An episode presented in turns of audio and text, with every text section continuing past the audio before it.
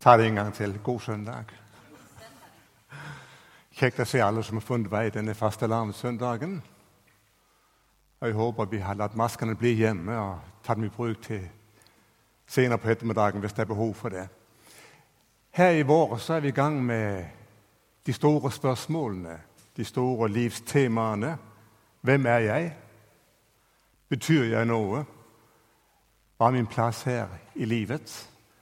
Det handler om identitet, betydning og innflytelse. Og Svarene på de spørsmål kan man finne mange steder. Vi har valgt å la oss inspirere Rick Warren og Saddleback. Han har disse fem hensikter i flere av sine bøker, og det bygger på en måte menighetens tjeneste. Og De fem hensiktene det er at du blir planlagt for å glede Gud. Du blir skapt for å bli lik Kristus. Du blir dannet for Guds familie. Du blir skapt for å tjene Gud. Og du blir skapt for et oppdrag. Og De siste tre søndagene har vi fokusert på tilbedelse. Du blir planlagt for å glede Gud. Og nå går vi et skritt videre. Du blir skapt for å bli Kristus lik. Et annet, en annen overskrift kunne være helliggjørelse, vekst, 'disipelgjøring'. Men jeg syns du blir skapt for å bli Kristus slik er en fantastisk setning og en fantastisk virkelighet.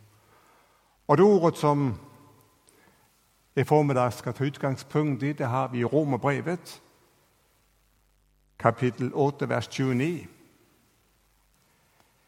Dem som han på forhånd har vedkjent seg, har han også på forhånd bestemt til å bli formet etter sin sønns bilde, så han kan være den førstefødte blant mange søsken.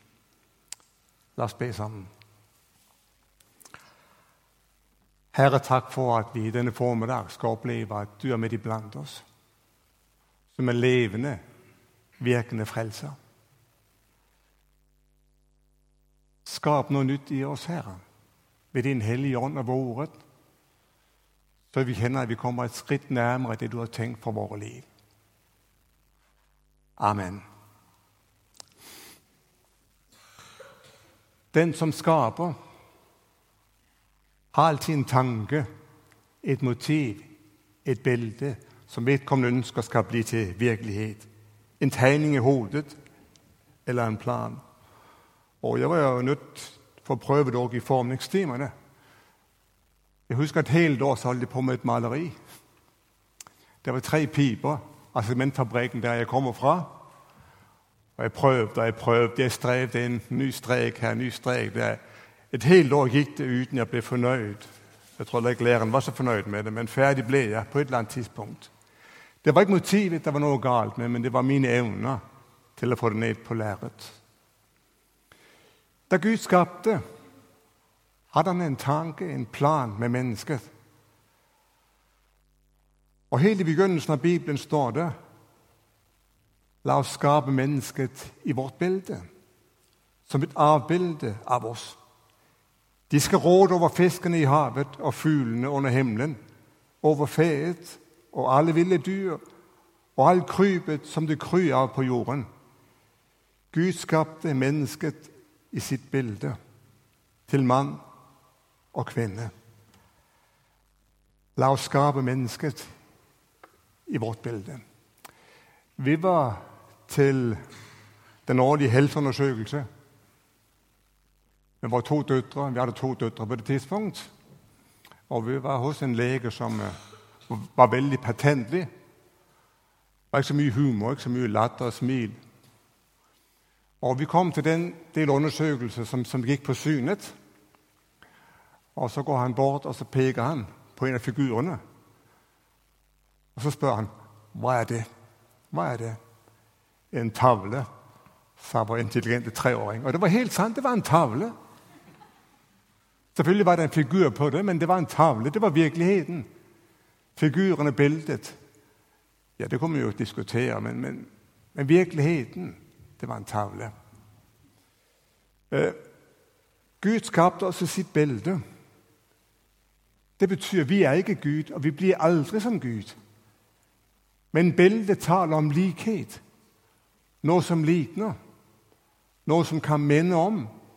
Men det er forskjell på bildet og han som er skaperen.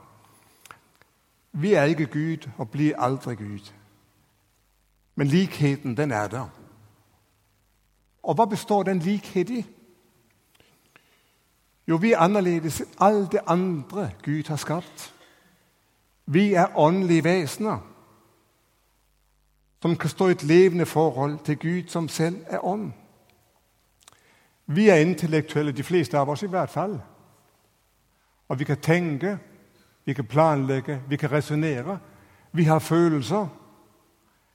Vi er skapt til en sammenheng. Vi kan leve i relasjon med hverandre og med Gud. Vi kan gi og motta kjærlighet. Vi har en moralsk bevissthet om hva som er rett, hva som er galt, utstyrt med en samvittighet.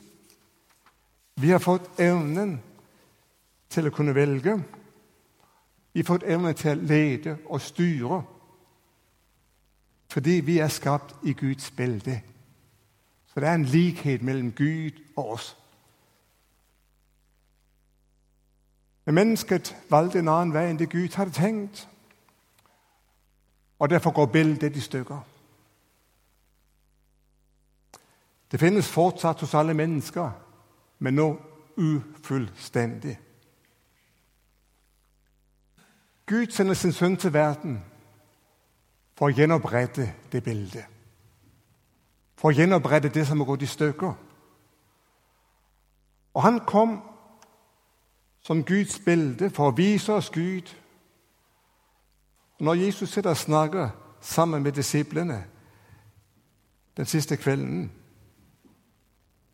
så sier han til Philip og til de andre.: Den som har sett meg, har sett Far.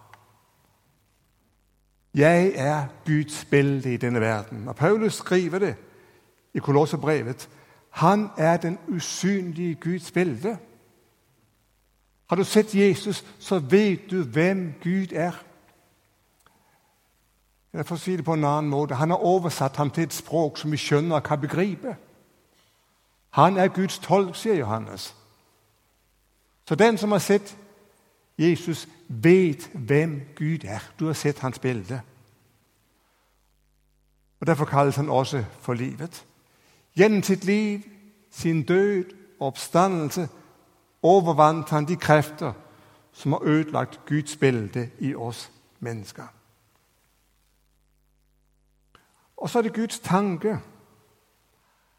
å gjenskape det bildet som synd ødela.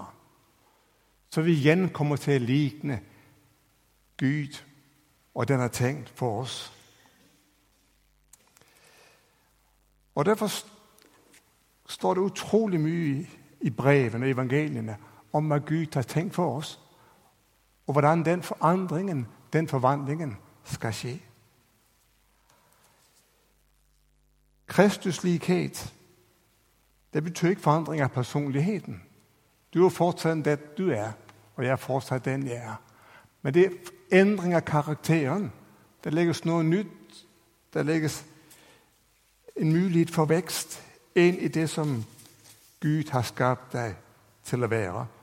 Og Da kan vi gå tilbake til overskriften. Gud har gitt oss alt vi trenger for at det liv skal bli virkelighet.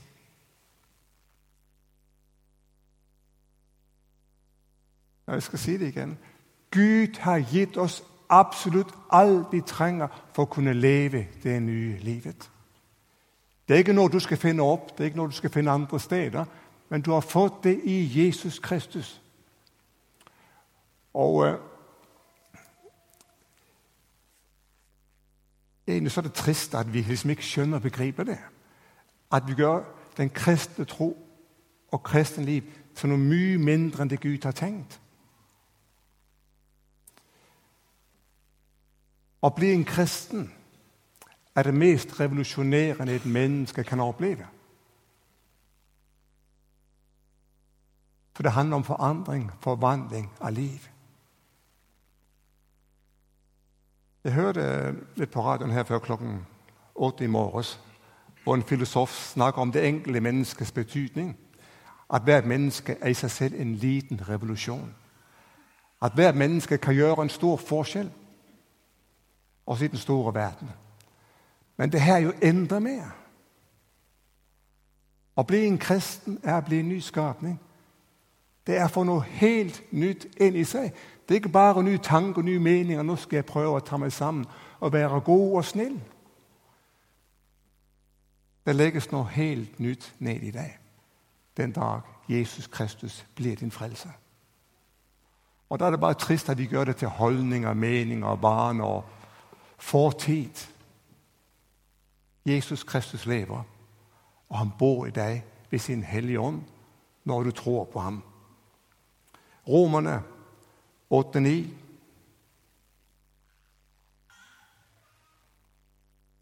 Men det er ikke kjøttet som har makten over dere. Det er Ånden, så sann Guds ånd bor i dere. Den som ikke har Kristi ånd, hører ikke Kristus til. Det er sagt negativt. Positivt. Den som har Kristi ånd, hører ham til. Eller den som hører ham til, har Kristi ånd. Den ånd som, som Jesus da han vandret i denne verden og viste fram hva Gud har tenkt med livet. Den ånden, den samme makt og kraft, den bor i meg. Den bor i deg. Det er revolusjonerende. Det er revolusjonerende. Hans tanker, hans følelser, hans vilje, hans makt, hans egenskaper.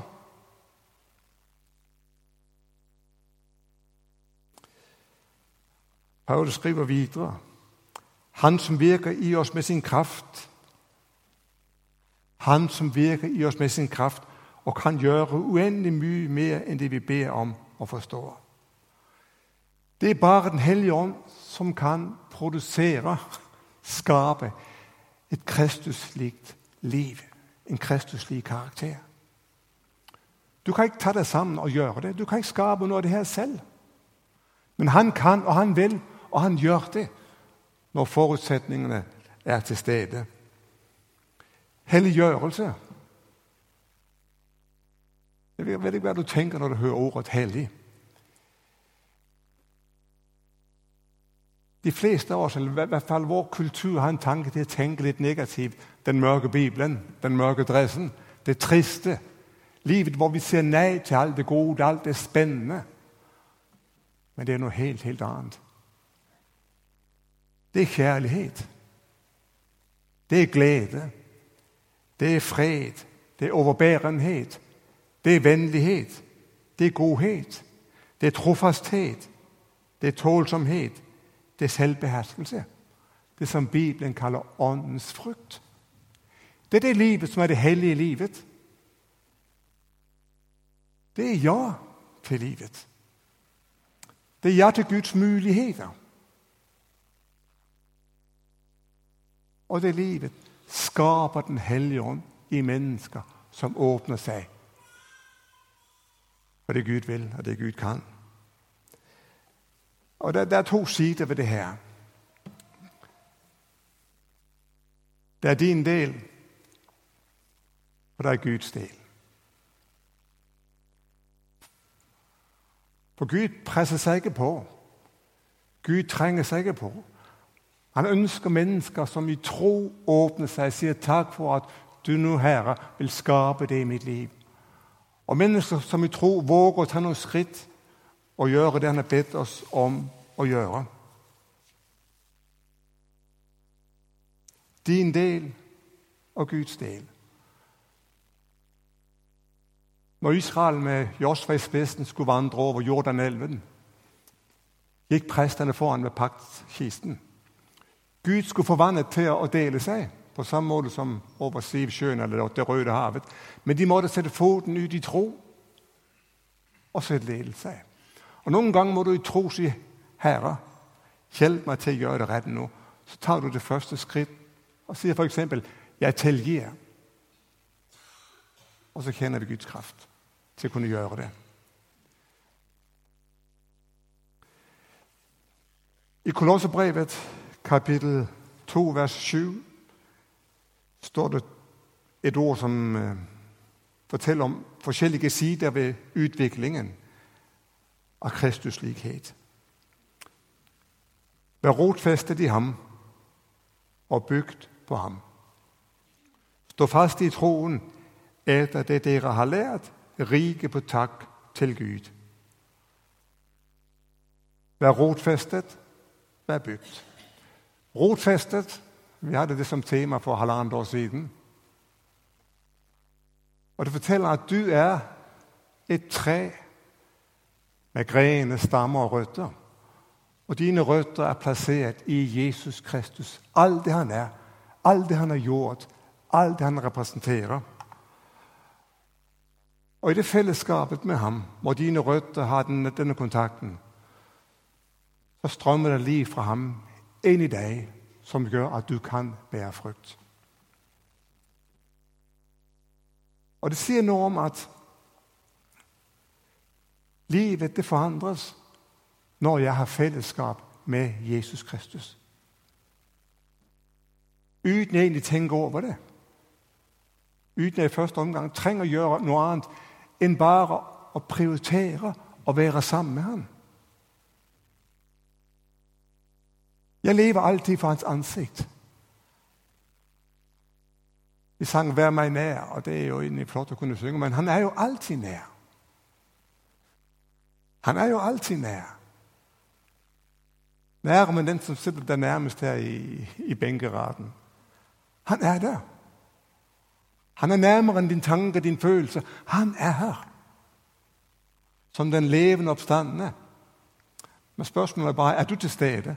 Ikke sant? Er du nær? Hvor er du akkurat nå? Hva er det du fokuserer på?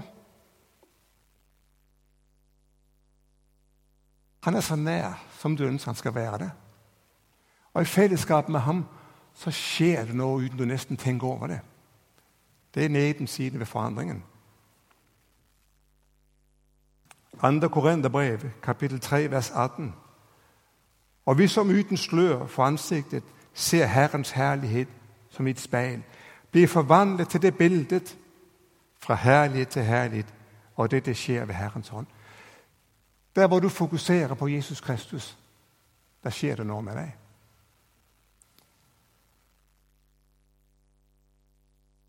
Egentlig er det noe litt spesielt det vi holder på med akkurat her nå.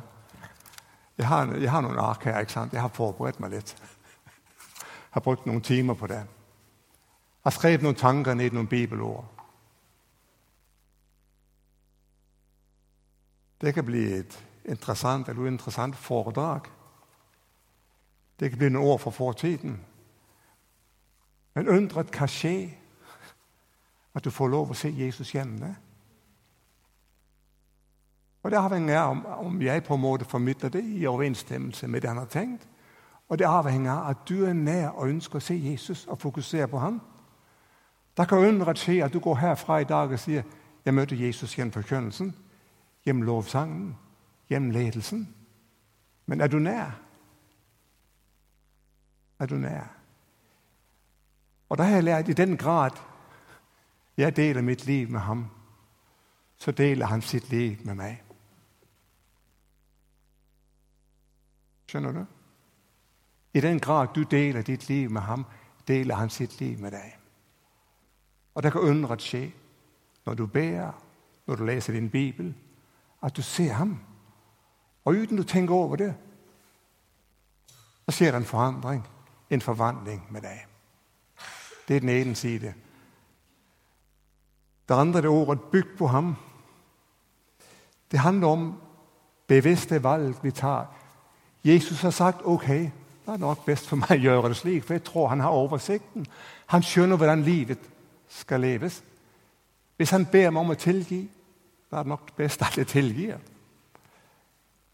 Hvis han ber meg om å åpne opp min favn for mennesker, da er det nok best jeg prøver å gjøre det. Ok, Jesus har sagt det, da gjør jeg det. Han har sagt jeg skal gi. Ok, ja, da vil jeg prøve å gi. Og Når vi våger å handle på de ordene han sier, så blir vi at Den hellige ånd gjør det levende og skaper noe nytt i meg og gjennom meg. Å bygge, det handler om de bevisste valgene og handlingene vi gjør i vårt liv. Og igjen, altså, Hvor søker vi våre råd? i dag? Går vi til meningsmålinger? Hva er rett og galt nå? Hva skal jeg bruke mitt liv til? Og det er mye bra rundt omkring. Det er mange kloke mennesker som har mye å si. Men noen ganger så blir det tilfeldigheter som styrer oss. Og noen ganger så blir vi helt bevisstløse og vi lar oss bare drive med. Hvem spør du til råds? Hvem tror du har oversikten? Hvem tror du vet, vet, hvem tror du vet hvordan livet best skal leves? Han som skapte oss i sitt bilde. Herre, hva har du tenkt? Så har du de generelle rådene, og så noen ganger så kjenner du her var det et ord som ble spesielt levende for meg. Og så er det en uh, nær sammenheng mellom de to ting jeg har nevnt nå. Når Jesus kalte disiplene, så sa han 'følg meg'. Og Første omgang så var det et kall til å være i hans nærhet, bare være sammen med ham. Kjenne atmosfæren, kjenne kjærligheten. Og Når du så var sammen med ham, så ønsket de jo å, å, å lære det samme som, som, han viste i sitt liv. At han ble modellen, han ble forbildet. Og samtidig var han også kraften i det nye livet.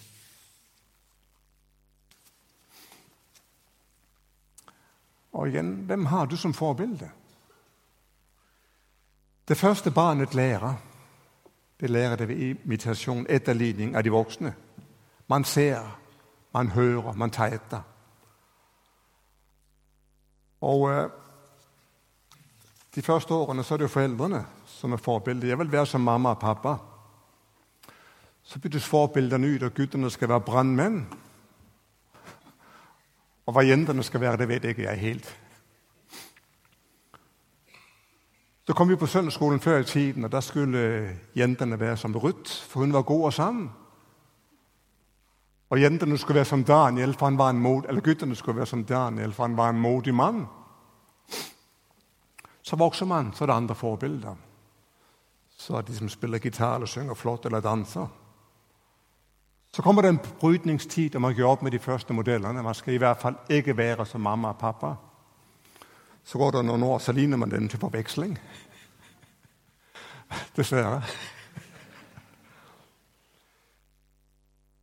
Så blir det tanker, så blir det idealer, ting man prøver å etterligne.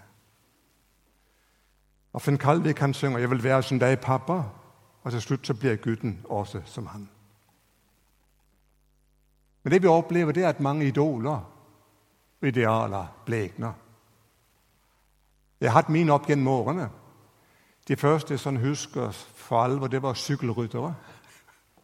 Syklister som sykler rundt i København på det man kalte seksdagersløp. I seks dager var det et par som syklet rundt og skulle vende på poeng eller omganger. Som, og øh, Jeg fikk disse bilder fra, fra, fra mormoren min. En gang i uken så var det et nytt bilde var en som het Palle Løkke og Kai Werner. Og jeg fant Steinberg og Emil Severin. Jeg kunne tatt flere av dem. Og det var fantastisk å ha de bildene. Jeg satt og studerte og tenkte jeg skal bli så god som det. Men så en dag jeg hadde sett på disse bildene, så la jeg dem opp på buret hvor undulatene var, og gikk ut. Og Etter et par timer kom jeg tilbake, og da var de nesten spist opp bildene. Det var kantete rundt omkring, og Palle Løkke var nesten borte. Og Sånn kan det egentlig gå med mange av disse forbildene vi har. De, de blekner når årene går. Du får lov å se andre sider ved disse mennesker du har sett opp til. Men da er det godt å vite at navnet Jesus det blekner aldri. Det tåler tidens tann. Uansett hva vi møter her i livet. Navnet Jesus. Det han har vist oss det han står for, det varer i all evighet. Og igjen Det er så viktig jeg får sagt det i formiddag. Bli opptatt med Jesus. Når du leser din bibel, se etter Jesus. Når du hører forkynnelsen, bli opptatt med Jesus. Når vi synger lovsangen, bli opptatt med Jesus. når du ber dine bønner, vær fokusert på Jesus primært. Når du kommer i fellesskapet og møter mennesker, se etter Jesus. Det er så lett å se feilen hos alle andre, og dem er det mange av i menigheten. Og du kan bruke ditt liv på å få det som hobby og sette feiltrinn i fellesskapet. Men midt i det fellesskap så lever Jesus og han er. Se etter ham. Fokuser på ham. Gjør som han har sagt, og du opplever at det skjer noe i ditt liv. Nye karakterer trer fram. Det som er problemet, det er at det her det tar jo tid. Det tar tid. Og Det var en uh, ung teologistudent som strevde med det. Han ba denne bønnen. Herre, meg tålmodig, men gjør det fort. Og Det, det, er, jo, det er jo egentlig sånn vi, vi, tenker det skal være. ikke sant? Men det er en prosess som tar tid. Du slipes, og så trer du ved siden av og opplever uff meg, var jeg kom lenger. Så kommer de ordene du skulle ha sagt, og så tenker du ja, ja. Nytter det nå? Så begynner du igjen prosessen. Så føler du kommet så utrolig langt, og så skjer det igjen. Opplever jeg i hvert fall. Men Gud vil. Gud arbeider. Han fortsetter inntil den dag vi ser Jesus Kristus som han er. 1. Johannes 3,2. Men vi vet at når han åpenbarer seg, skal vi bli ham lik, for vi skal se ham som han er. Og Underveis så fokuserer vi på ham. Og Hvor begynner det henne? Det begynner i din tanke, i ditt sinn. Ordspråken 23, vers 7. For slik han tenker i sitt indre, slik er han. La Herren begynne i dine tanker. Så forplanter seg til følelsene. Så blir det holdninger. Så blir det ord, så blir det handlinger. Skapt til å være Kristus lik. Paulus skriver i Romerbrevet kapittel 12, vers 2.: La det ikke lenger prege av den nåværende verden, men la det forvandlet ved at sinnet, sinnet fornyes, så dere kan dømme om hva som er Guds vilje, det gode, det som er til Hans behag, det fullkomne. La det ikke lenger prege av den nåværende verden. Det er en oversettelse som sier det på denne måte. La ikke den nåværende verden presse deg inn i dens form. Eh, det har vært spennende å bli morfar. Og jeg har brukt mange timer i sandkassen, ikke de siste årene, men tidligere, og gjenoppfriske kunnskapene om å forme i sand. Den ene bøtta etter den andre, helt like, fordi det var i den samme formen. Og denne verden har sin form der ønsker å gjøre oss like i tanker, og følelser og sinn. Men Gud har en annen form. Og Det er ikke engang en form, men det er en levende person, Jesus Kristus. Han ønsker å sette sitt preg på deg. Så du blir fri, så du blir kjærlig, så du skaper fred, så du bærer over.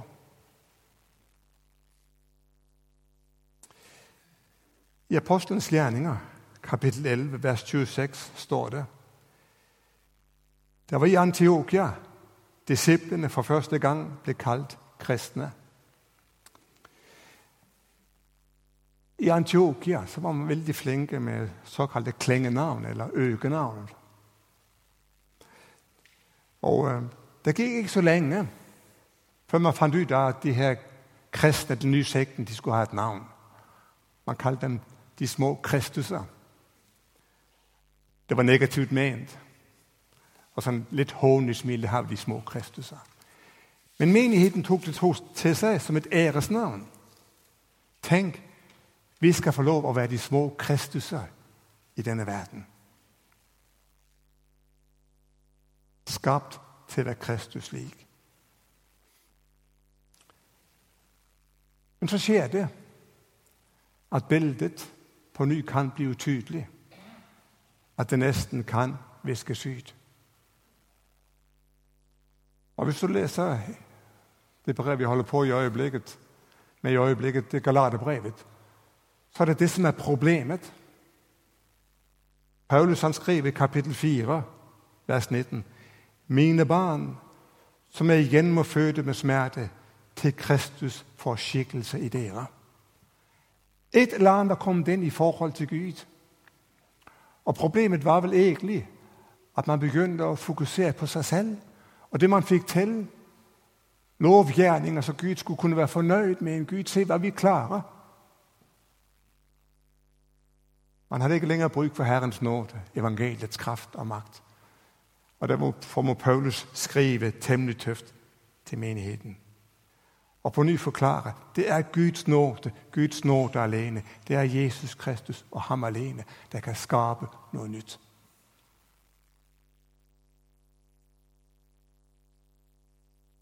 I den Løvus har skrevet mange flotte bøker. En av dem er små andagsstykker som vel egentlig har hatt i avisen Vårt Land. Og De samlet, og boken har tittelen 'Hverdagsbilder med åpen lys'. Og Her refererer han til en samtale med en mann som det meste av livet jobbet på Kongens Mynt i Kongsberg. Og Han jobbet i den avdelingen hvor man fikk de gamle mynter inn, som skulle smeltes om til nye mynter. Og så spør Idin Løvås denne mannen hva er kriteriet for å smelte om disse myntene. Og så sier han når kongens bilde nesten er visket ut. Jeg vet ikke hvilket bilde du og jeg bærer med oss.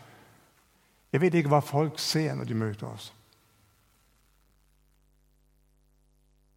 Guds tanke var at mennesker gjennom våre liv, våre handlinger og våre ord skulle få et glimt av Jesus Kristus. At vi skulle være et budskap fra Guds verden til mennesker. Det finnes en Gud som elsker. Det finnes en Gud som gir nytt liv. Det finnes en Gud som er full av nåde. Det var Guds tanke at vårt liv skulle være et bilde som gir Gud ære for alt. Mennesker som ikke er selvfokusert. Mennesker som har et åpent ansikt og ser sine medmennesker. For å bruke bordverset deg Gud til ære og oss til gavn. Men hvordan er det med bildet? Hva ser folk? Er bildet visket ut? Trenger vi på ny å smeltes om? Trenger vi på ny til å komme inn på hans ansikt, og han kan prente Jesus Kristus tydeligere og tydeligere for hver dag som går.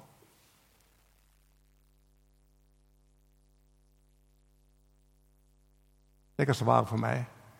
Jeg tror jeg trenger det. Du kan bare svare for deg. Og da er evangeliet. Alt de trenger for den livsforvandlende prosess, har han gitt oss. Er du til stede? Han er det.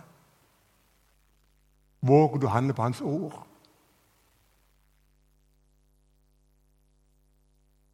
Skal du være en liten Kristus i denne verden?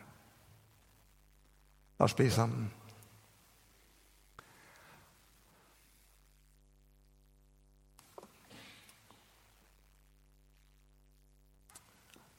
Jesus Kristus. Det er så vanskelig å beskrive den virkelighet som du representerer. Vår ro og våre tanker og våre følelser blir så små i den sammenhengen. Men jeg vet du er her med Din Hellige Ånd og ordet for på ny å skape noe i oss og gjennom oss. Takk at du er oss nær akkurat nå. Du tar det kjærlighet, fred, glede. Takk at vi skal få lov å vite at vi er elsket. Vi skal få lov å vite at du stanser opp og ser på oss. Vi skal få lov å vite at din nåde er mer enn nok. Skap det bildet på nytt, Herre. Amen.